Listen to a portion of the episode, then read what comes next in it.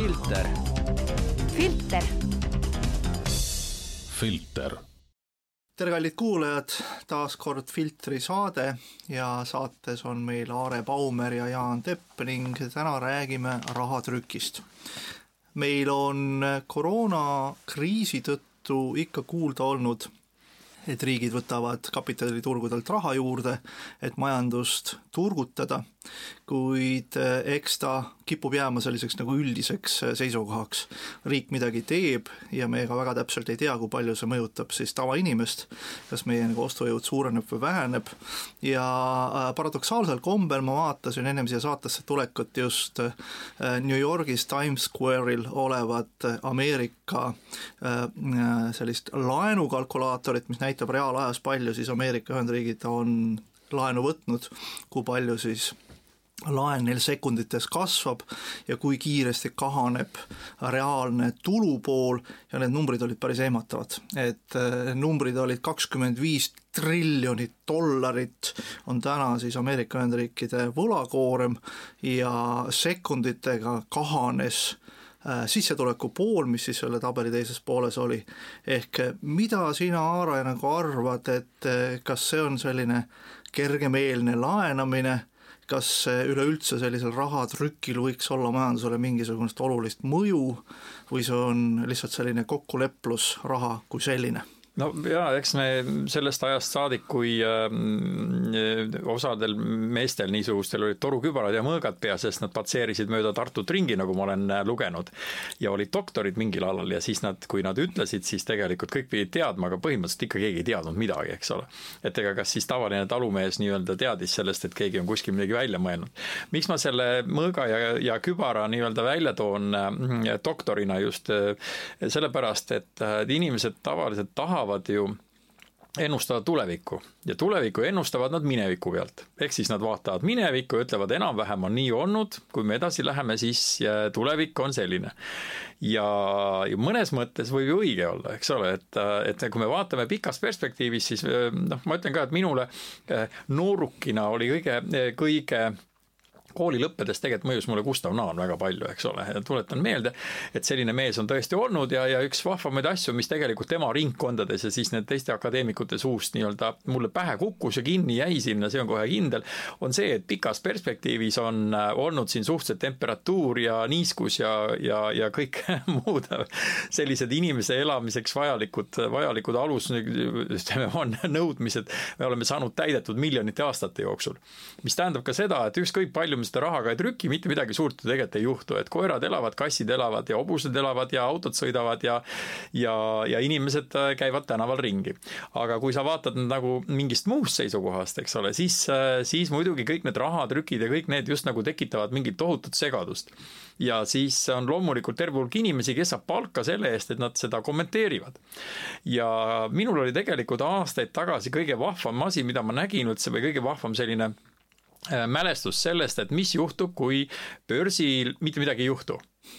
ja see oli väga huvitav, sest ma vaatasin telekast seda üsna tähelepanelikult, sealt ekraanilt paistis välja, et kui mitte midagi ei juhtu, siis nad teevad zoom in'i. ehk siis nii, nad lähevad nende väikeste fluktuatsioonide kallale ja siis sõna otseses mõttes nagu mastaabi pilt kaob ära täiesti, et sul kaob mastaap ära, sest pidevalt toimub mingi, mingi võnkumine mingisuguste olekute lähedal. üks ostab, teine müüb, eks ole, aga kuna need masinad seda reageerivad, siis sisuliselt on sama efekt nagu ma ei tea, kas mõned on seda filmi näinud, Jurassic Park tuleb meelde, eks ole, kus seal tümakas käib tümps ja tümps ja siis see kuulus koht, kus veeklaasi peal, eks ole, on siis need lained liiguvad, need, kui see eh, suur koll astub, eks ole. ehk siis äh, kõik sõltub ju sellest, millega me suhestame midagi, et, et, et kui me, kui me võtame ja vaatame börsikursse, siis jah, tõepoolest, kui on suured muudatused, siis on väga suur mäest alla minek, eks ole, või siis vastupidi jälle ülesminek. aga kui on väiksed muudatused, siis tundub nagu ka midagi läheks üles-alla, üles-alla. minu jutu mõte on tegelikult selles, et kui need kaks kokku panna siis juhtub üks väga huvitav olukord. teatud inimesed on teistest haritumad ja teavad rahast rohkem kui mina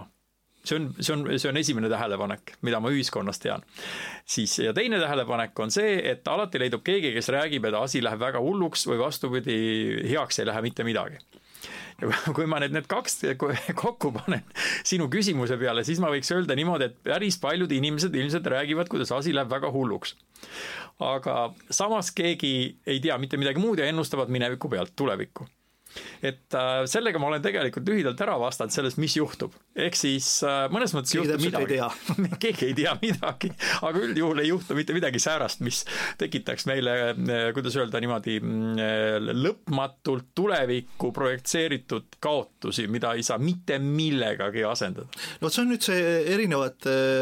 mõõtekohad, et ühelt poolt tavainimese jaoks, kelle selline majanduslik või rahanduslik mõtlemine piirnebki nagu palgapäevast palgapäevani elamisega ja vaatab, et eh, kui palju tal raha on rahakotis ja kas ta jaksab oma arved ära maksta, ja teine pool on nüüd eh, see riiklik pool, noh, sa enne mainisidki, et eh, see projektsioon, rahatarkus ühelt poolt siis ajalukku, et kui küba, küba, kõvakübarates mehed ringi potseerisid ja teadsid palju rohkem nagu rahast, siis tegelikult on rahandusmaailm ikkagi muutunud ka, et, et eelkõige just riikide sekkumise nurga pealt. et võib-olla selline üheksateistkümnes, kaheksateistkümnes sajand oli periood, kus riik tervikuna ikkagi sekkus rahanduspoliitiliselt tunduvalt vähem äh, meie tavainimese ellu, kui see tänapäeval on. et noh, mida ma tahan just nagu öelda, on see, et, et mm, rahanduspoliitika muutus on olnud ju eriti kiire viimastel aastakümnetel. me teame, eks ole, Bretton Woodis, Woodsi süsteemi, me teame see, et, et on dollar olnud seotud väga pikalt meil kullaga, nii palju, kui sul kulda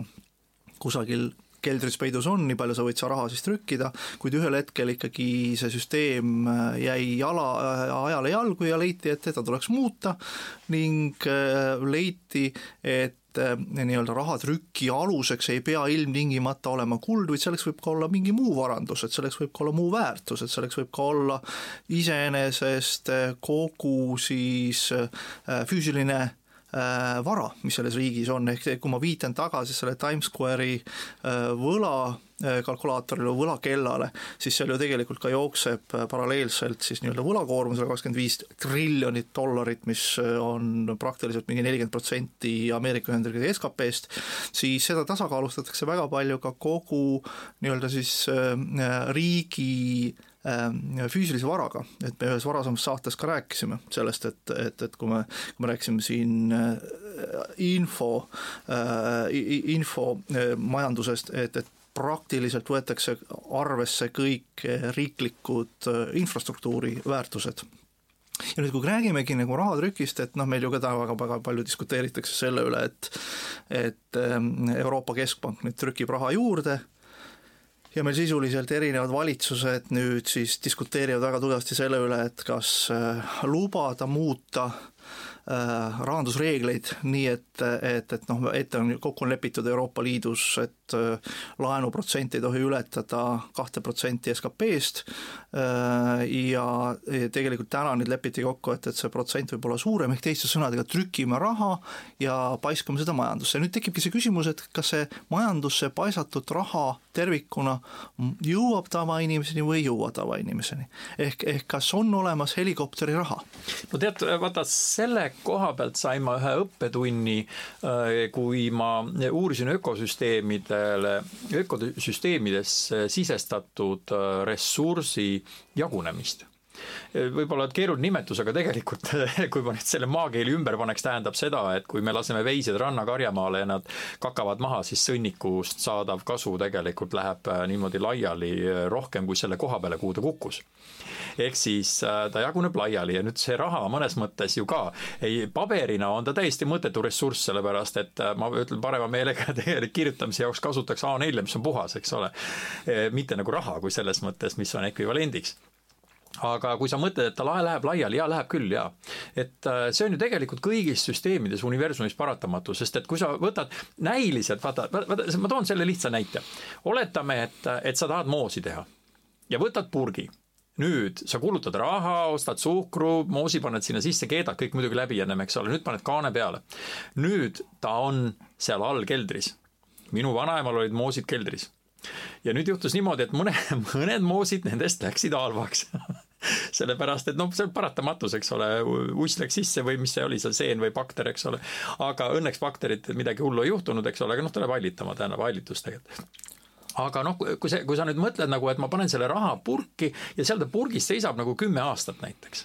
siis ega tast ju mingit tolku ei ole selleks, et oleks tolku, tead, ma hiljuti lugesin siin Muumitrolli, tuleb öelda seda, et kui moosi on palju ja külalised tulevad, siis need tuleb lõpuks kõik ära süüa. siis külalised muutuvad rõõmsaks, roogivad lund, äh, vahepeal teevad pidu, panevad, eks ole, lähevad laiali, tegelikult igaüks oma asjaga. Nii et ma tooksin selle moosikeldri näite tegelikult, et no siia paralleeliks võib ka tuua selle Laisa sulase näite Uuest Testamendist, eks ole, et, et üks, kes äh, kaevas talendid äh, puu alla ja teine, kes laenas nad välja, eks ole, kes mõnes mõttes lükkas raha nagu pöörlema, eks ole, ja Uus Testament annab siin ka mingisuguse soovituse, et, et õigem hoiak on ikkagi olla see usin sulane, kes äh, seda raha, mis tal on, mõnes mõttes nagu pööritab, eks ole, nii et kui me nüüd räägime, toome selle, selle moosipurgi konteksti, siis see moosipurk võib ühelt poolt ühelt poolt olla siis nii-öelda see äh, puujuure alla matmine ja kui tuleb külaline ja sa jagad külalised, hoidad ta selle moosi talle sisse, tal on tuju hea, sul on uued sõbrad, sul on sa oled midagi head teinud, sa oled need nii-öelda talendid nagu liikvele lükanud, et ära, ma olen kinkinud nad ära. ära kinkinud, jah. aga muidugi võib öelda, et tee, tee moosi eest tööd midagi, eks ole. et ja vaata, vaata siit tekivad väga naljakad äh, olukorrad, et vaata, et meil väga segamini muidu ei lähe, aga no minu mõistus selle aja, kui sa rääkisid, juba hakkas minema. juba tahan selle koha pealt öelda, et, et noh, kujutad endale ette, et sul on ikkagi ikkagi need moosid, nad on mõnes mõttes nagu pangas ega see moos ju halvaks ei lähe üldjuhul, eks ole, et kui sa nagu noh, see mõned üksikud erandid välja arvatud, ma ütlen, et kui sa teed ikka näiteks kolmkümmend purki moosi ja, ja see seisab seal keldris ja sa ütled, et hoiame järgmise aastani, siis hoiame ühe aasta veel, on ju. ja vaat, vaat nüüd see küsimus ongi, et, et kui ma selle raha nagu panka panen, oletame, et riik annab raha. mina mõtlen, et kuidas ta siis minuni jõuab oletame, et isegi jõudis mingil moel minuni, no kasvõi sada euri näiteks, nüüd ma panen ta panka ka veel. pööritama ma teda ei hakka, eks ole, gaas kinni, nii nagu moosiga seisab all keldris, tähendab. et, mm, et, et, et kas, mis mul temast siis kasu on, mitte, mitte midagi. ta on lihtsalt, muidugi ta on reservis, ta tekitab mul sellise hingerahu, et, et kui on kehvad ajad, siis ma lähen purgikalale. täpselt, et siin ongi nagu see, et, et kui sa söödad selle moosi külalisele, ega sinul sellest mingit kasu ei ole, aga külalisel on hea tuju, eks ole, kui sinul on see sada eurot kusagil äh, kivi all, siis sa tead, et mul on mustadeks äh, päevadeks on mingi raha olemas ja mul on mingi hingerahu. ehk mõnes mõttes jällegi me küsimegi seisest taga, oot-oot, kui, kui raha on ainult selleks, et tekitada inimesel hingerahu, siis äh, äkki on võimalik seda hingerahu leida kusagilt mujalt, kui, kui vaid äh, raha kusagil kivi all hoida või seda raha pööritada. purgis hoida. või purgis hoida, just. aga samas, tulles nüüd tagasi just selle koroonakriisi juurde ja koroonakriisis ikkagi meil täna majandus on väga tugevasti nagu pihta saanud ja noh, öeldaksegi, et me mõnes mõttes oleme täna juba sellises ähm, turbulentsi või tormis ilmas majanduslikus mõttes, äh, et et äh, ja, ja paralleeliks, miks on see, et, et kuigi paljud tootvad ettevõtted ja kauplused ja noh, tööd toimetasid nagu edasi, no kaubanduskeskustes äh, roosa elevandi müüjad pidid küll oma uksi kinni hoidma, aga toidupoed ju toimisid äh,,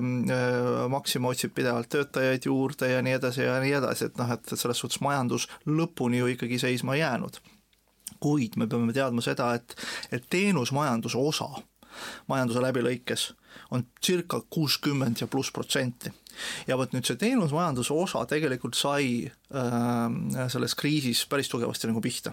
noh, teenusmajanduse alla me räägime ikka kõige esimesena, kes meil ju ka Eestis pihta said ja kes kõige rohkem meil nutavad, ongi nagu turismisektor äh,, meelelahutussektor, noh, kinod äh,, kõik hotellid, äh, Tallink, noh, sellest me oleme niivõrd palju nüüd lugenud ja kuulnud, aga kui me nüüd mõtlemegi, et see on nagu see teenusmajanduse osa ja kui see on kuuskümmend protsenti majandusest, siis sisuliselt sul nii-öelda selleks, et ühiskond toimiks, meie Eesti nagu pisikene on hea mudel, sellest on nagu selles suhtes hea nagu rääkida ja hea vaadata, et kui sul kuuskümmend protsenti sellest masinavärgist võetakse kütus välja, pomm, ja nüüd sa pead ühel hetkel jooksma ja sõitma sellega Mäkke, eks ole, sul võetakse küll mitte ainult kütus välja, aga sul võetakse ka võimsus mootorist välja, eks ole. et sa sisuliselt ei suuda. ja nüüd äh, ongi see rahatrüki teema on ju see, et, et, et, et see, see, see lõpuks, see masinavärk toimiks, sa pead seda kütust talle juurde valama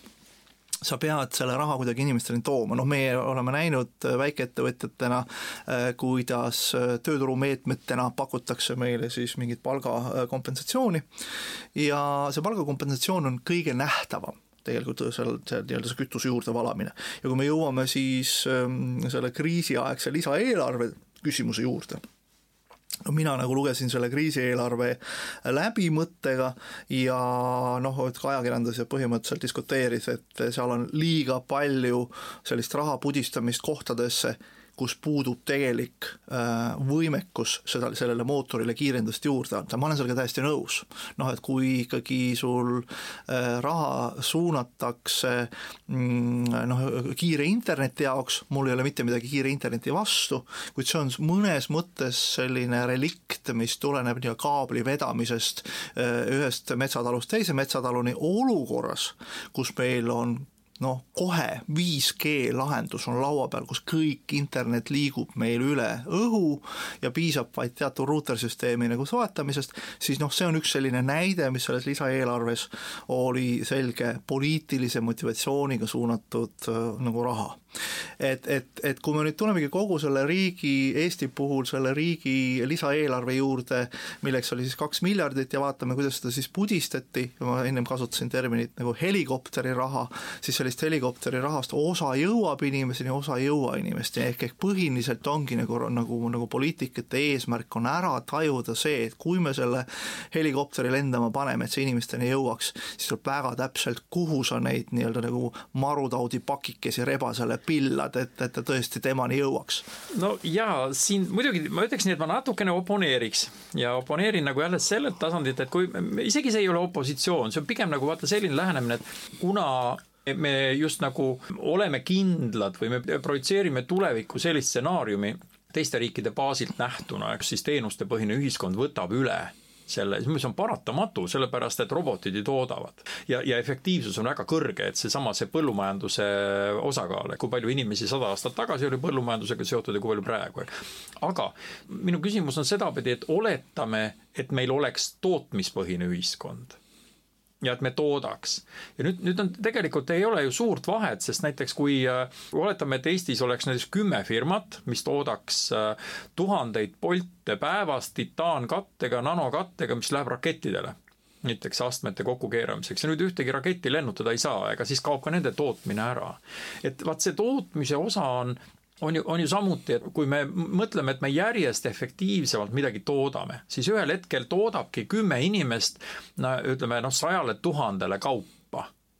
ja vaat, äh, mida need ülejäänud siis tegema hakkavad, et kui need ülejäänud või isegi ma, ma võin öelda ka veel vähem, näiteks kaheksa inimest toodab sajand, sajale inimesele kõik kaubad. me ju liigume sinnapoole tegelikult. et ühel hetkel on siis, kas see on see äh, S-kurv nii-öelda, et turg saab nagu täis või ütleme, ühiskonnas ka nagu saab täis või et kõik hakkavad kõigile teenust pakkuma. kas sealt tekib kodanikupalk või, või siis küsimus on pigem niipidi, et me, et me määrame, vaata nagu sa ütlesid, väga täpselt tuleb määrata, kuhu raha läheb, aga mina siit sinu lausest õngitsesin välja ühese, vaata, kui me väga täpselt hakkame raha jagama, siis see tähendab väga tugevaid, mitte üleastutavaid reegleid ja norme. mul on siin tegelikult väga hea koht muide, miks ma ennem rääkisin doktoritest ja mõõgaga ja mööda Tartut ringi käivad, need käisid ka mujal ringi. mul on nimelt üks tegelane, Adam Smith, aastast tuhat seitsesada seitsekümmend kuus ja siin on väga hea koht, et see on siis Adam Smith uurimus riikide rikkuse iseloomust ja põhjustest, esimene köide. ehk siis omal ajal ma seda lugesin läbi, need kaks köidet ja, ja mul oli väga huvitav, sest osa asju crash ivad ja noh, see oli päris naljakas. aga siin on nüüd, ma võtaks nüüd kontekstist, rebin küll välja, aga lause on see. kui inimestel puudub töökuse harjumus, siis soodustab esmatarbekaupade odavust pigem laiskust. parimaks ravimiks on suurendada nõudlust kõigi esmatarbekaupade järele, mitte ainult lisatasuga nende eksportimise tootmise puhul, mis on ka tihtipeale kasulik, vaid suurendades inimeste hulka, kes neid tarbivad aga siit ma nüüd oponeerin omakorda vastu, ehk et mõnes mõttes nagu sa ütlesidki, Adam Smith oli aastal, mis oli tuhat kaheksasada tuhat seitsesada seitsekümmend kuus. ehk tegelikult ta ülistab äh, majanduslikku relikti ehk, ehk sellist majandusmudelit, kus me tegelikult olemegi välja liikumas. ja kui me täna räägime hästi palju Hiina sellisest tootmisvõimekusest, nii-öelda nagu production hub, kus kõike toode, toodetakse, tehased äh, mürisevad, siis ma, siis mina tegelikult ütlen ja, ja mus-, kusjuures ka eurooplaste kohta öeldakse, et eurooplased on ju laisad, eks ole, et eurooplased ei viitsi ju tööd teha, eks ole, siis tegelikult on Euroopa oma majandusmudeli äh, arenguga jõudnud Hiinast tunduvalt ette, mitte Hiina ei ole meist ees, vaid meie oleme selles mõttes ees, et, et me olemegi jõudmas teenusmajanduse tsüklisse, kus me, nagu ma ennem ütlesin, et, et raha on heaolutunne ja kui me räägime teenusmajandusest, siis ka teenusmajandus on heaolutunne ja kui sa siin tsiteerid äh, Smithi, siis, siis sisuliselt tema räägib sellest, et heaolutunne tekib sul asjast, mida sa tarbid. Hiina on täpselt sealsamas, Hiina meil kõike toodab, ta on suur siis tootmiskeskus, kõike üritatakse toota, kõike üritatakse müüa, kõigil üritatakse sulle teha siis nii-öelda, tekitada vajadus, aga kui me räägime inimlikust õnnetundest, siis ilmtingimata sa ei pea omama midagi, sa võid ka olla ja läbi ole olemise, kui sa tajudki, et, et minu nii-öelda olemise tähtsus on äh, pakkuda head teenust, kui ma olen, oskan midagi väga kenasti teha, nikerdada, joonistada, teha graafilist disaini, veebidisaini, mis iganes, siis kõik on teenuste pool. et, et ühelt poolt väheneb sul surve algse investeerimisvajaduse poolest, teiselt poolt inimestel on mõnes mõttes väiksem surve tarbimisele, rahamass tervikuna väheneb, sest kogu aeg on ju see, mida ma tõin ennem ka näite selle Ameerika võlakalkulaatori näi-, näol, siis see on väga palju suunatud just nii-öelda selle, selle asjalise tarbimise suunas. ja, ja mõnes mõttes Euroopa mudel on rohkem rohkem sellise teenusmajanduse suunas arenemas ja maailm ka tervikuna liigub sinna suunas, et me nii-öelda nagu vähem pöörame tähelepanu asjadele ja tootmisele ja rohkem siis nii-öelda no olemisele ja teenustele, siis, siis selles suhtes see liikumine on õige, see rahulolu ja inimeste õnnetunde suunas on see ka õige, kuid siin ongi see paradoks, et nii kui tekib sul pandeemia, mille sees me hetkel oleme, siis on teenusmajanduse esimene, kes saab väga tugevalt nagu pihta. Ja siis peavadki riigid tegelema sellega, et nad sisuliselt trükivad raha juurde ja lasevad sul helikopterites seda sinna õigetesse kohtadesse, kus seda vaja on, aga kui me ennem tegime siin paralleeli näiteks siin, ma ei tea, seitsmeteistkümnes, kaheksateistkümnes sajand või veel varem agraarühiskondade näitel, kus sul sisuliselt eh, mina kasvatasin kotti kartuleid, läksin turule, müüsin, müüsin selle ära või vahetasin selle kingsepa juures kingade vastu, toimus mõnes mõttes selline lihtne vahetustehing, siis tõesti ka riigi roll sellise majandus, agraarse majandusmudeli juures oli tunduvalt väiksem, kui ta nüüd teenusmajanduse mudeli juures on, sellepärast et riigid tajudes, et selleks, et seda õnnelikku inimest tagada, et ta oleks õnnelik, ta ei hakkaks mässama, siis, siis selleks ta peab seda nii-öelda helikopterist seda raha nüüd puistama erinevatesse kohtadesse ja sellega suureneb tegelikult riikide sekkumine. ehk riikide sekkumine inimeste vabadusse suureneb, et see on nüüd see paradoks, mille üle peaks tegelikult diskuteerima, et, et ühelt poolt meil on küll hea öelda, et meil me natukene liigume eemale tarbimisühiskonnast ja tootmisühiskonnast, nagu sa ütlesid, nende titaanpoltide tootmise juurest, kuid teiselt poolt, kui inimene tarbib rohkem teenuseid, ta on rohkem võib-olla siis mõjutatav erinevatest kriisidest, riik peab rohkem sekkuma, järelikult meie anname oma vabadusi ära sellel, selle tulemusena, võrreldes näiteks kolm-nelisada aastat tagasi oleva agraarühiskonnaga. et kas see on nagu, kas see on nagu see, mille suunas me tahame, et liikuda? no ma olen alati oma, oma peas nagu väga harva olen tegelikult ma selle näite välja toonud, aga ma arvan, et kuskil kaheksasada, üheksasada aastat tagasi inimesed olid selles mõttes vabamad, et esiteks, et kui keegi sulle kaheksa aastat, kaheksasada aastat tagasi trammis jala peale astus, mida muidugi ei toimunud, eks ole, et siis sa võisid ikka üsna pahaseks saada ja sa vaevalt sa seda niisama mõmisesid lihtsalt, et pigem on meil see mm, õigus vähem, et nagu kellelegi füüsiline noomitus teha. küll aga siit läheb edasi tegelikult sellise tasakaalustatud süsteemi juurde, mis just nimelt nendele torukübara ja mõõgaga mm, doktoritele ju tegelikult äh, peaks nagu alluma, vähemasti nende välja mõeldud projektsioonidele. ja see on siis see küsimus, et kui riik sekkub ja nüüd äh, rahandustargad inimesed, mitte nagu mina, sellised targad inimesed siis äh, juhivad seda, siis küsimus on pigem niipidi, et kui me äkki oleme siis nii päris suures hulgas, mitte nagu praegu, oletame, et meil on tekkinud mingisugune tõesti selline üle, isegi nagu küllastuse piirile, küllastuse piiril olev teenusühiskond, siis on ju täiesti selge, et kodanikupalk on, on paratamatu ja samas peavad kuskil olema mingid Egiptuse viljaaidad, uksed kinni ootama, et äkki tuleb jälle mingisugune probleem, sest et noh, et kui see, ta muutub kriitiliseks, siis ju see kriitiline tähendab tegelikult metastabiilse oleku järjest nagu sellist eravnemist või see tähendab seda, et ka väiksem kõks võib selle juba tekitada, ei pea isegi olema viirus, võib see veel mingi väiksem asi olla, mis paneb tegelikult süsteemi võnkuma. et, et mõnes mõttes sarnaneb see nii mehaanikas tuntud sellise olukorra, kus süsteem võngub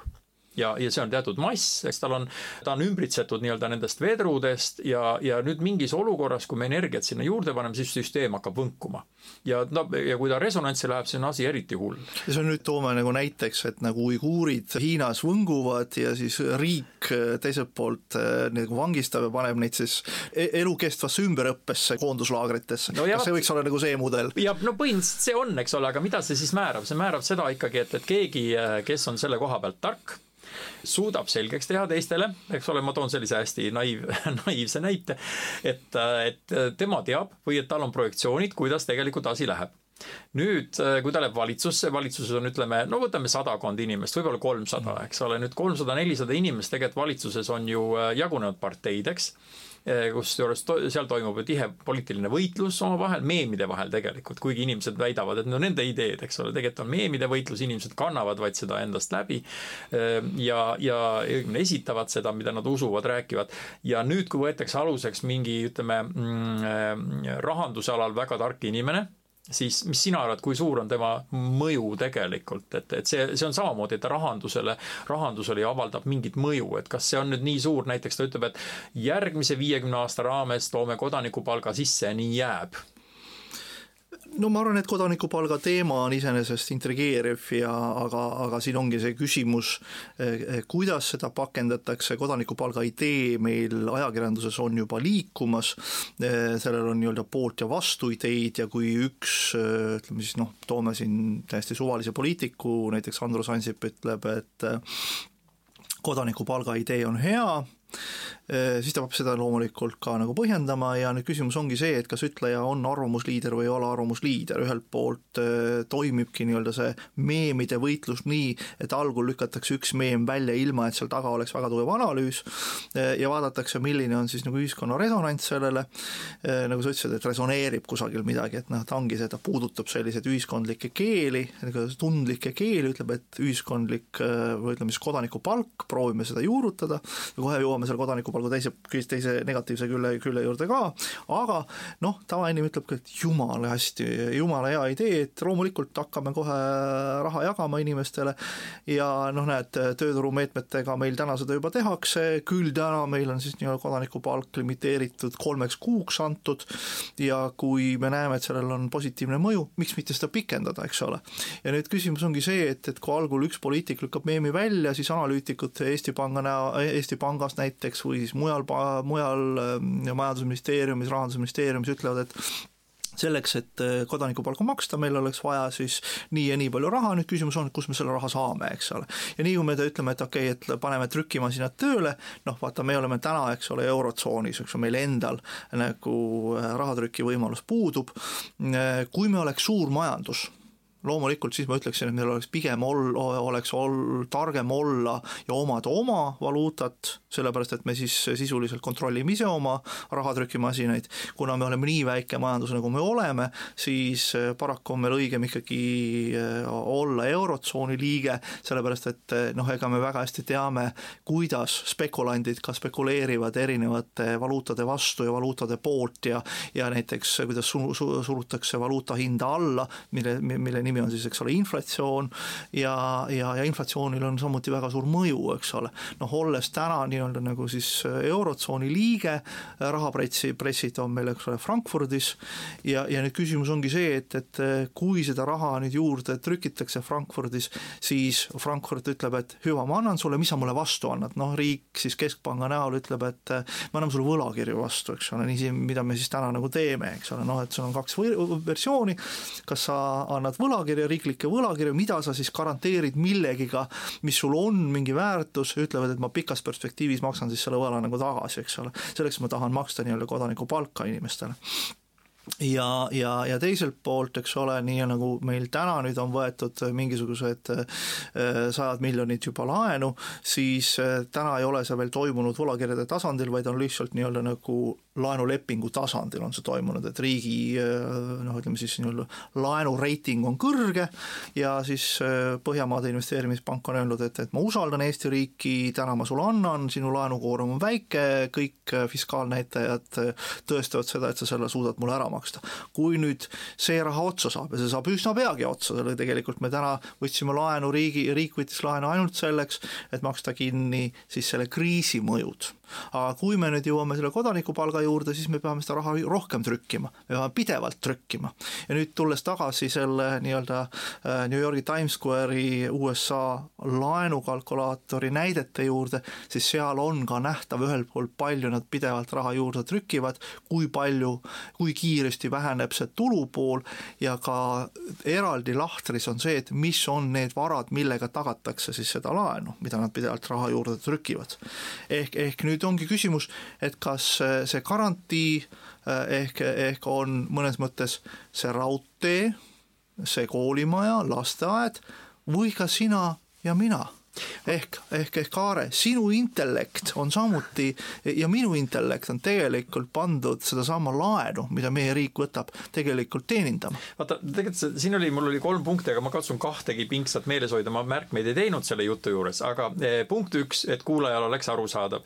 et äh, Jaan käsitles siin seda, eh, seda Times Square'i seda äh, numbrimasinat seal, eks ole. ja mul tekkis mõte, et see peaks olema tegelikult ju kohe lineaarselt, see, selle võiks üldse ühendada ühe tead millise, ühe väikse väikse sensoriga, vaata sensor on ju, tead isegi, eks ole, kas mingi väike magnet, mis ratta küljes pöörleb või midagi muud ja mis loeb neid tiksusid, tead. vaata nagu sammulugeja. selle sensori võiks kohe ühendada rahapressi selle rattaga, mis pöörleb üks-ühele, vaata. et, et seda, et see, see ei ole nagu mingi algoritm isegi, see lihtsalt ongi selle rattaga seotud, mis sealt raha, vaata, tuleb sealt rulli pealt välja kogu aeg. ehk tuleme siit kohe Aare ja Jaani intellekti juurde, nii kui me emaili saadame, nii kusagilt kalkulaator ütleb klikk-klikk-klikk, trükime kümme dollarit juurde. just täpselt, nii, aga teine asi, milleni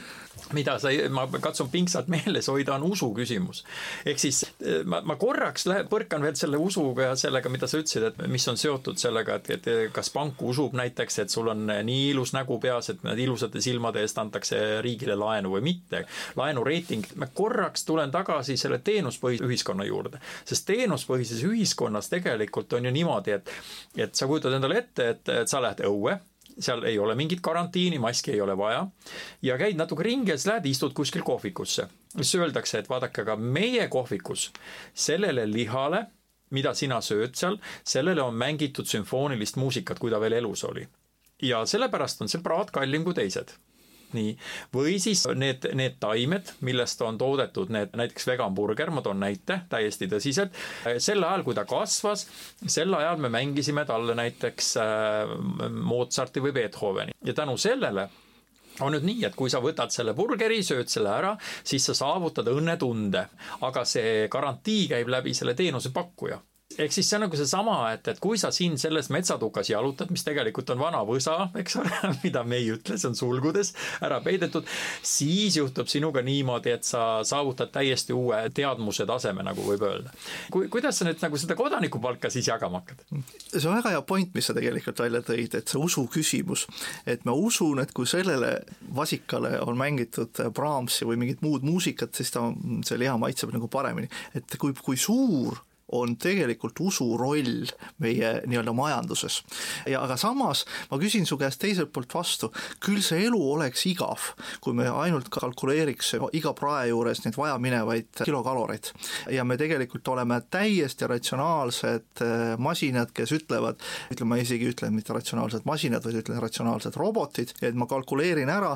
et minu kahekümne nelja tunni toimimiseks on mul vaja nii ja nii mitu kalorit ja ma selle kätt saan saan kätte nendest sinistest tablettidest, sellest proosast pulbrist ja kahesajast milligrammist veest. ja kui ma nüüd sinna välja jõuan, kui igavaks võib muutuda meie elu, ehk me jällegi jõuame sinna Muumitrolli ja Moosi loo juurde. et, et, et kui Muumitrolli mamma ühel hetkel otsustab, mis me sellest purgitäiest äh, Moosist siin hoiame, jagame ta inimestele laiali või söödame sisse, tal on tuju hea, nad laulavad, loovad poeesiat, tantsivad, tantsivad, tantsivad, eks ole, ja nüüd me jõuamegi sinna, et, et, et juues mingit roosat pulbrit, saades oma kilokalorid kätte, olles hästi ratsionaalne, et kas see elu on elamist väärt. ja teiselt poolt küsimegi, et, et nüüd see kodanikupalk, kas kodanikupalga summa või selle suuruse arvutamisel me peame arvutama neid, täpselt neid kilokaloreid või me peame arvutama see, et inimene oleks õnnelik ja põhimõtteliselt ta peaks saama ka süüa vasikat, kellele on lastud Brahmsi muusikat. just, ja vaata, siin ongi see vastuolu, sellepärast et kõigepealt, kui sa kasutad sõna masin, kuna küberneetika on üks minu selline huvi, siis kübernetilises maailmas ja kompuutrimaailmas eristatakse väga selgelt sellist masinat, mille nimi on Turingu masin. Kõik kompuutrid on Turingu masinad ja mõte on siis selles, et kuulaja võib-olla aru saab, mis see tähendab, Turing omal ajal, Alan Turing, selline mees, kes töötas Briti, õigemini ta kaasati siis Briti luureteenistuse töösse no,. filmgi on temast tehtud. just täpselt ja, aga Alan Turing tegelikult kirjeldas ühte sellist masinat, mis ühe sammu võrra liigub edasi, aga tema üks alaprogramme siis kogu aeg otsib kõik lahendused üles, liidab kõik kokku ja eelmise selle, kui hästi lihtsalt proovida öelda, siis ta selle tulemiga opereerib edasi. ta on ühe sammu edasi läinud ja nüüd ta võtab tulemi aluseks ja opereerib aktselereerib jälle edasi ühe sammu võrra. see on muide üks põhjus, kuna ta ei suuda vaadata maailma holistiliselt, see Turingu-masin, siis on üks põhjus, miks kompuutrid kinni jooksevad ja näitavad liivakella ja, ja minul näitavad nad sihukest vikerkaare sellist ka väikest ketast, on sellepärast, et nad tegelikult ei saa aru, mida nad teevad. ja sinu arvuti on Turing, Turingi arvuti ja, ja teatavasti oli Turing ka nagu vikerkaare inimene. ei no selle, jah, pigem, pigem, pigem see oli hea nali muide praegu, aga ma ise lähen edasi nagu selle, selle poolega, et vaata, et mida see siis kuulaja jaoks tähendab, see tähendab seda, et kui sa oled masin ja algoritm määrab selle, millise kodanikupalga sa saad, igalühel on indeks et kõik, kõik need teenused ja need kõik on indekseeritud, et siis teenused, kes pakub muusikat eh, notsudele mängimise, kes pakub porganditele muusikat, näiteks selles mõttes kujutad ette muusikat, näiteks nüüd ERSO-s on ütleme muusika parasjagu ei saa kontserti anda, pead maskiga olema ja otsustaks kontserti ära jätta, nüüd vioolamees võtab kätte ja läheb oma tuttava eh, selle FIE juurde näiteks, kellel seal on, mängib, ma räägin tõsiselt muide, mängib muusikat ja FIE paneb kuulutuse üles, et need sellele notsule on mängitud siin näiteks eh, Brahmsi ja porganditel on mängitud mängitud Beethovenit. ja pane tähele nüüd siis tekib nagu see arusaam, et sa võib-olla pead esiteks selle kirja panema, noh, selles mõttes, et kui sa tahad ju müüa näiteks vegantoitu, see on litsenseeritud, nüüd kui sa tahad müüa, müüa ökotoitu, siis on see, no mõtlen otsud, siis on see väga täpselt litsenseeritud ka. nüüd need on reeglid, selle järgi on sul teatud koefitsient, millega korrutatakse sinu kodanikupalk läbi jah, sa mõnes mõttes toodadki imaginaarset väärtust. aga mina tahan siin välja tuua selle ohu, et nagu sa ütlesidki, et, et siin tegelikult hakkab toimuma meemide sõda. ja nüüd on küsimus see, et kellel on võimekamad meemid, see saab suuremat kodanikupalka ehk teiste sõnadega, et kui põhimõtteliselt minu meemimasin on niivõrd võimas, et ma ütlen, minu notsu, kes on kuulanud Brahmsi, on niivõrd tark ja tema liha on niivõrd magus mahlakas. ja, ja, ja, ja mahlakas ja sisuliselt minu meemimasin suudab seda meemi müüa tunduvalt paremini kui näiteks keegi, kellel ei ole nii head meemimasinat, siis põhimõtteliselt noh, valitsus ütleb, et jälle, kui me hakkame nüüd jagama seda raha, siis nad vaatavad, et kas me siis anname metsataludele nagu kiiret internetti eelmise sajandi kaabliga või, või võtame mingi muu meetodi kasutajale, siis riikliku eelarve tegijale jäi meelde see meem, et vaata see Brahmsi kuulav notsu ja tema ütleb, anname raha nendele, anname näiteks raha sinna, et kõikide notsu farmides oleksid olemas omad sügajad ja muusikud. ja muusikud, ei mitte, ei, ja, ja ei mitte lihtsalt. muusikud, ah muusikud. ei,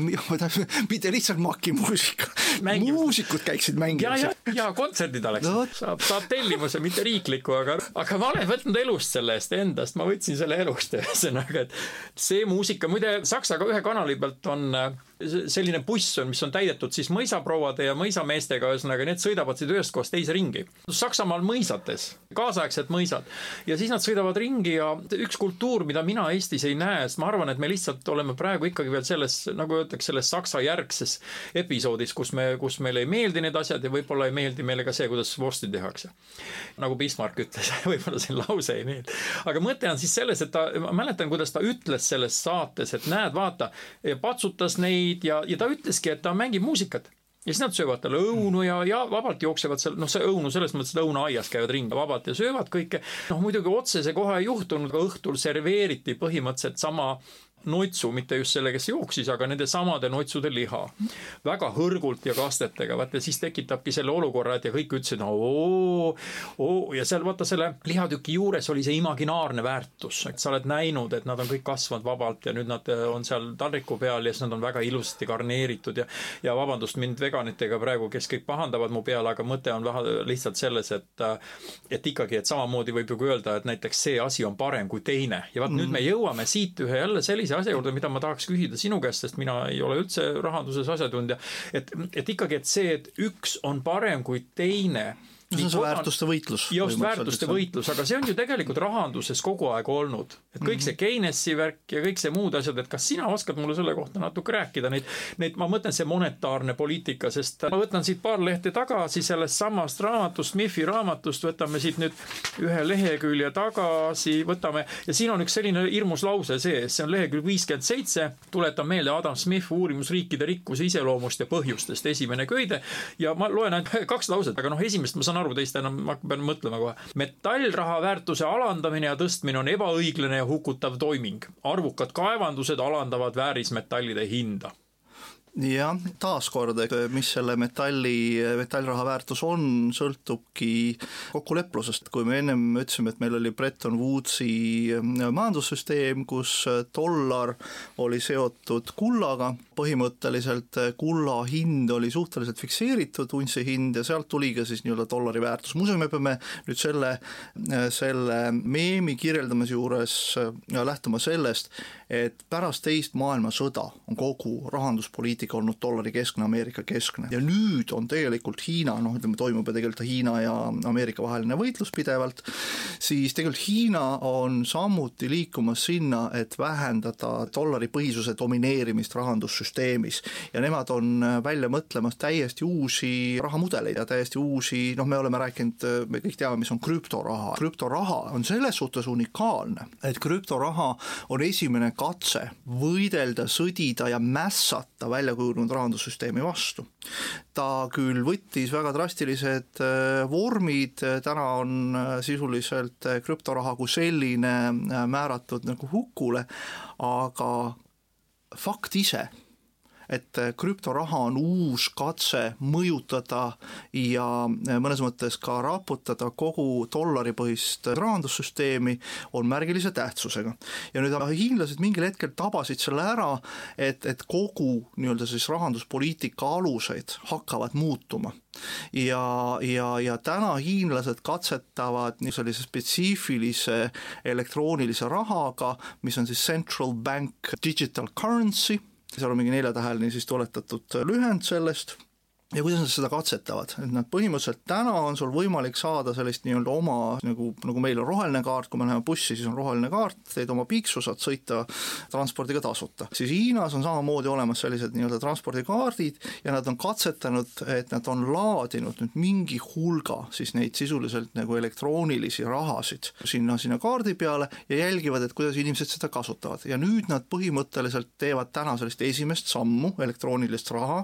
mis ise iseenesest ei oma ühtegi nii-öelda baasi kulla näol, mis on siis dollaripõhise majanduse näitaja, küll jah, nüüd endise dollaripõhise näite, sest täna meil enam ei ole nii-öelda nii-öelda kullapõhist äh, dollari väärtust, vaid nii-öelda dollari väärtust arvutatakse mingite muude ja, ja Times Square'i äh, selle just see, et see, see täpselt see, et ka, et ka, ka inimeste intellektid, eks ole, on nii-öelda võetud selle dollari väärtuse juures arvesse, aga põhimõtteliselt see näitab seda, tulemas on täiesti uus rahandussüsteem, täiesti uus rahandusmudel, kus riik ütleb, hüva, mina trükin nüüd teatud arvu selliseid, selliseid elektroonilisi ühikuid ja kui nad need elektroonilised ühikud, täna nad katsetavad siis nii-öelda nende roheliste kaartidega, aga mingil hetkel nad annavad selle panka, ütlevad, et pank, sina nüüd hakkad seda jagama inimestele väikeettevõtluse ja teenusmajanduse arendamiseks. Ja ma annan sulle neid nüüd mingisuguse X ühiku. Ja nüüd nad ennem sisuliselt ei muutu reaalseks rahaks ehk ei aktiveeru, kui see pank leiabki, ütleme siis Jaani või, või Aarev või, või kellegi veel, kes ütleb, et, et ma tahan siis nüüd hakata ma ei tea, välja mõtlema meemimasinat. Ja, ja mul on selle meemimasina käivitamiseks vaja näiteks sada ühikut seda raha. ja nüüd see raha äh, nii-öelda siseneb rahandusmaailma ja majandusmudelisse sellest hetkest alles, kui see tuleb pangakontolt minu kontole, ehk ma saan hakata reaalselt nagu maksma. see, see on selles suhtes täiesti uus nagu visioon, mis on meid äh, võib-olla sellise viie või viie aastaga on võib-olla liiga lühike tsükkel, aga ütleme kümne, kahekümne aasta tulevik, et me selles suhtes see rahandus poliitika kui selline muutub ja toon ka siit paralleeli ühest huvitavast äh, filmist, mis oli alles nagu paar nädalat tagasi telekas, selle filmi nimi oli Shillingid taevast, äkki keegi nägi seda? mis puudutab masinaid uuesti, et mida tegelikult tähendab see, et raha üle kannavad hoolt nii-öelda kompuutrid? no kompuutritele sisse on ehitatud, õigemini öeldes nad baseeruvad matemaatikal, matemaatilistel aktsioomidel. ja see on hästi oluline, sellepärast et kompuuter ei valeta kompuuter saab signaali, ta saab õigemini, seal on see bitt ja nüüd ta liidab neid äh, bittide abil, informatsiooni abil, ta liidab need nullid ühed kokku, saab mingi tulemi ja siis interpreteerib seda ja interface'is me näeme siis ekraanil näiteks mingit numbrit, jah. oletame, et minu pangaarve on näiteks sada euri, nüüd ma näen seda. tegemist on tegelikult äh, kompuutriga, mina usaldan kompuutrit täielikult, sest nad on tuuringumasinad, nad ei saa mitte midagi teha, emotsioonid ei ole. ja vaat nüüd tekib nagu see olukord, et kuna kompuuter ei valeta aga ometi ma tean, et raha väärtuse osas on palju valetatud. ja samas, mm, kui mul ei oleks üleüldse mingit haridust nagu rahaharidust, siis ma ei teaks ühte i-tähega sõna. aga, aga niipea, kui inimesed on kaasatud oma emotsioonidega sellesse, nii tekib üks sõna, mille nimi on inflatsioon ja vot nüüd see film kokku, sa saatsid mulle lingi ja ma vaatasin seda filmi ja see oli ETV-s, pärast vaatasin järgi, aga samas ma võin öelda, et, et minu enda peas on ajaloos üks, üks päris kuulus vabariik, kelle nimi on Weimari vabariik. et kus siis äh, raha, leib kaalus rohkem kui see raha hulk, eks ole, mis siis sinna kaalu teiselt poole pandi. et äh, inflatsioon võib muutuda hüperinflatsiooniks, eks, ja kui kompuuter ei valeta ja inimene valetab, et, et kus, mis on tegelikult nagu inf-, inflatsiooni see vajadus, mis on tema vajadus tegelikult? inflatsiooni vajadus on täiesti vältimatu, et noh, kui me nüüd ennem rääkisimegi sellest, et me paneme oma raha pressid hakkasid ühel hetkel tööle ja, ja, ja, ja siin on kaks asja, kaks komponenti, üks asi on, on intress ja teine asi on inflatsioon, need ei ole üks ja seesama, intress on see, mis hinnaga sa raha saad siis kapitaliturgudelt osta, et oletame siis keskpank ühelt poolt omab siis rahapressi, rahamasinat, ta ütleb, et mul on seal elektrikulu, mul on paberikulu, mul on inimeste kulu, kes neid, neid rahapresse käitavad, selle kulu hinnaks on mingi null koma null üks protsent et mis siis nüüd, kui ma laenan ühe, ühe euro, siis ta tuleb siis see intress sinna juurde. ehk, ehk see on see raha hind, noh täna me teame, et meil sisuliselt on raha hind kohati nagu negatiivne, et, et raha on juba niivõrd palju juurde trükitud, et selleks, et sina minu käest raha võtaksid, noh, ma maksan sulle peale isegi, eks ole, noh et, et see on see tänane nagu majandusmudel. aga see on jällegi selline kunstlik tekitatud olukord, et raha läheks võimalikult rohkem majandusse ringlema.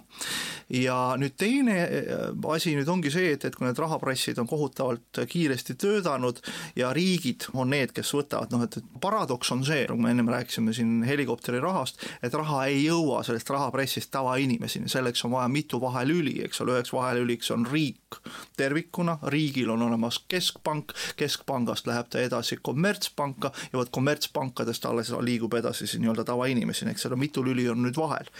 ja, ja põhihäda ongi see, et ähm, eelmisest kriisist õppides sisuliselt jõuti sinna, et need vahelülide reegleid niivõrd palju karmistati,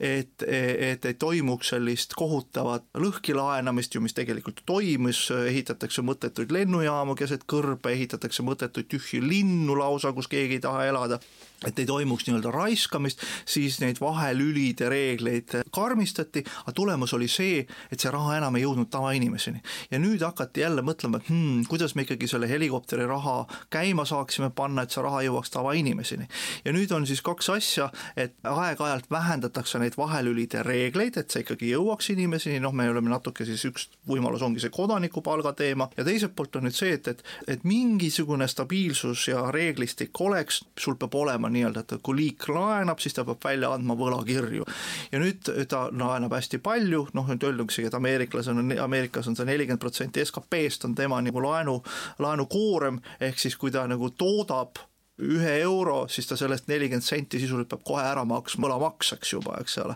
siis, siis et ta tegelikult majandusse suunab suut ainult kuuskümmend senti, noh et, et mis on tegelikult väga suur disproportsioon ja nüüd põhimõtteliselt selleks, et, et seda tasakaalustada või ära kustutada osa sellest võlast, siis sa pead tekitama inflatsiooni ehk su raha hind peab muutuma odavamaks. ehk su mõnes mõttes, kui see rahamass läheb suuremaks, sa muudkui pressid seda, seda majandusse sisse, raha hind muutub odavamaks, et nagu sa ennem tõid selle Weimari vabariigi näite, kus sul said palga kätte ja sa jooksid sisuliselt turule, et vahetada see kohe äh, kilo kilo vastu leiva vastu, et noh, see hind, raha hind muutus nii, nii odavaks, eks ole, me kunagi, me mäletame slottidelt, Poola slottidelt ühel hetkel tõmmati kaks nulli tagant ära, Itaalia liiridelt mingil hetkel tõmmati kolm nulli või neli nulli tagant ära, et see näitas lihtsalt see, et see inflatsioon on toimunud niivõrd kiiresti, raha väärtus nagu kukub, aga sellel, sellel inflatsioonil on see positiivne asi, et kui ma olen täna võtnud siis nagu riigina, olen võtnud või, või, või ka eraisikuna näiteks, ma olen võtnud tuhat eurot raha, ma olen selle eest kohe ostnud omale ühe kuuri näiteks või maja, olgu, sõltub siis, kuidas, kuidas me seda raha jagame, nüüd ma selle ostsin ja nüüd mul on see laenukoorem peal ja nüüd ühel hetkel raha on niivõrd palju juurde trükitud, et see raha väärtus kukub, kukub, kukub, aga kukub ju ka minul, minu tegelikult ju laenukohustus. ja ühel hetkel, kui see riik on siis selle laenu võtnud, siis ta mingil hetkel peab selle inflatsioonitondi lihtsalt pudelist välja laskma, selleks et kustutada osa oma laenust et sellest võlakoormast, et nagu mõnes mõttes, et kui ta saab lihtsalt tagasimakse väärtus ikka läbi maksude, läbi mingite kaudsete litsentside, see rahavoog tal ikkagi riigil säilib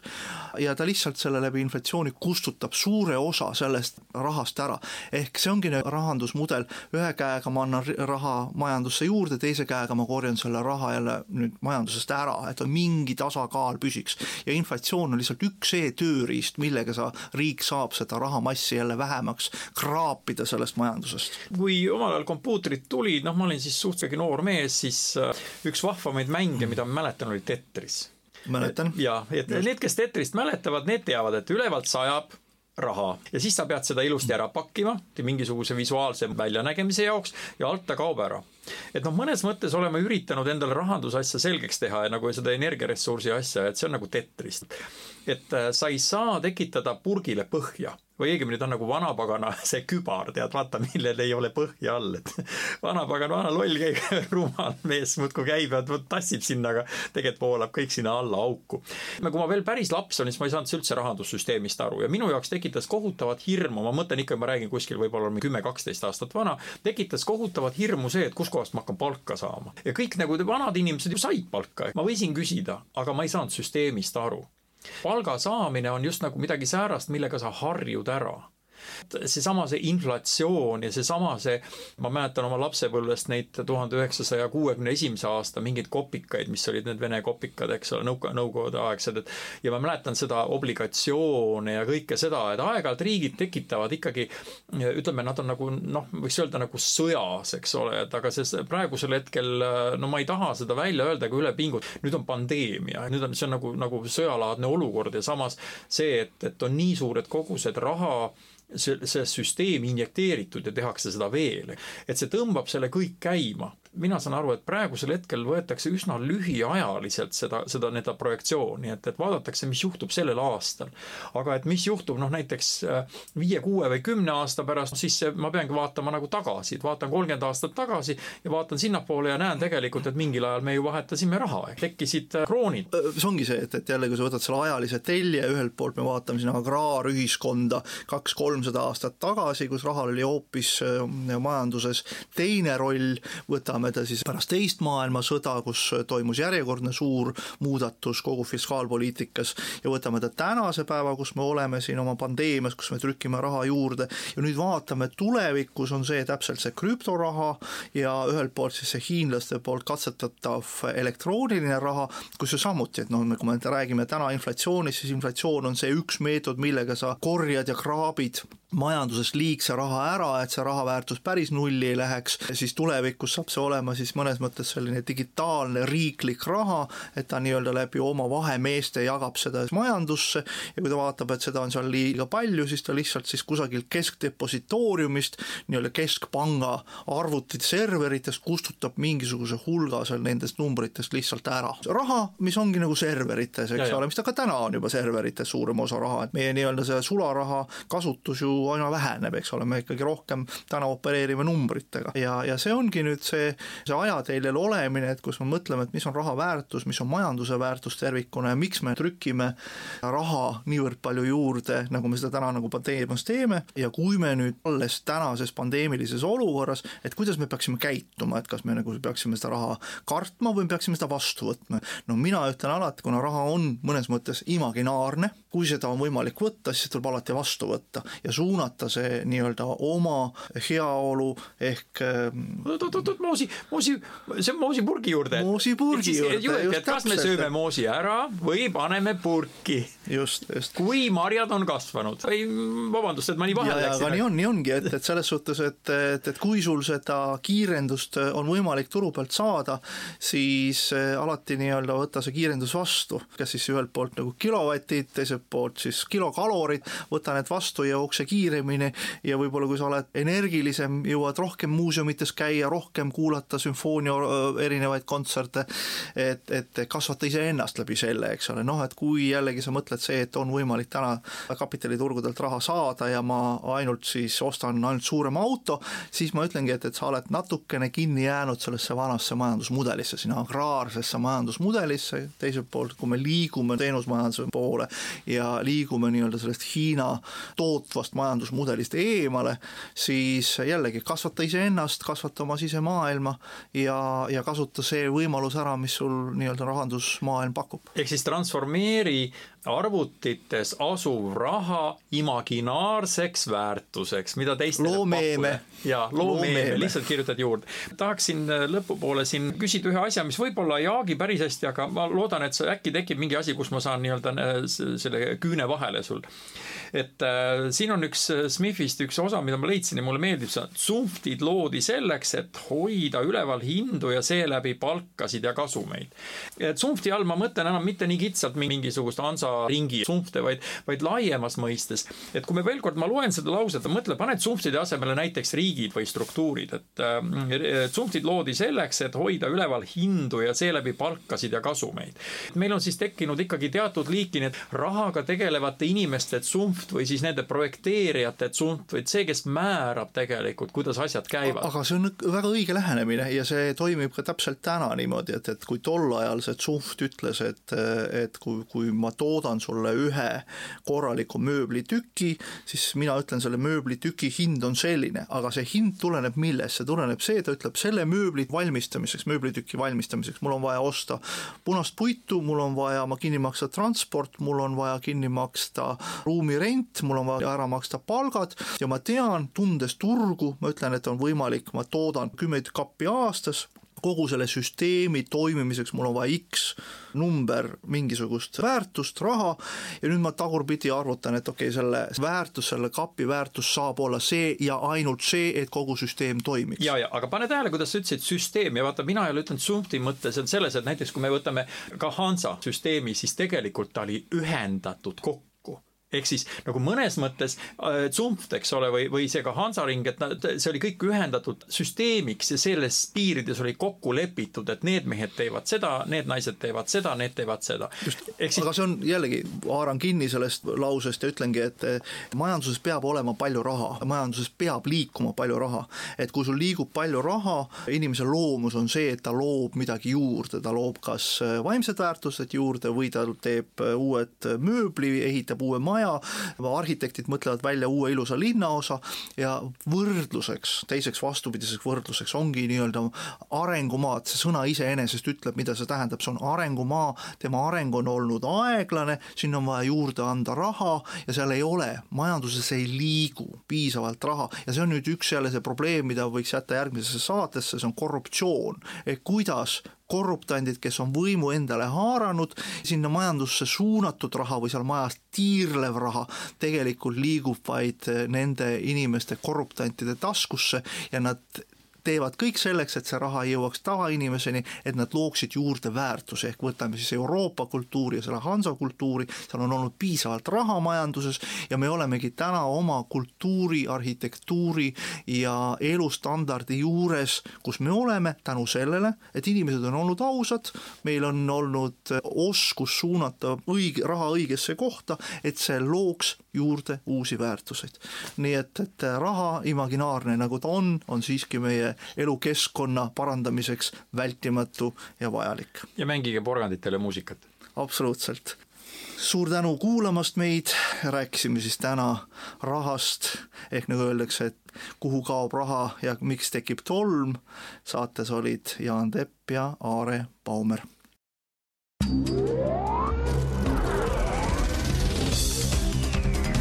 Filter. filter. filter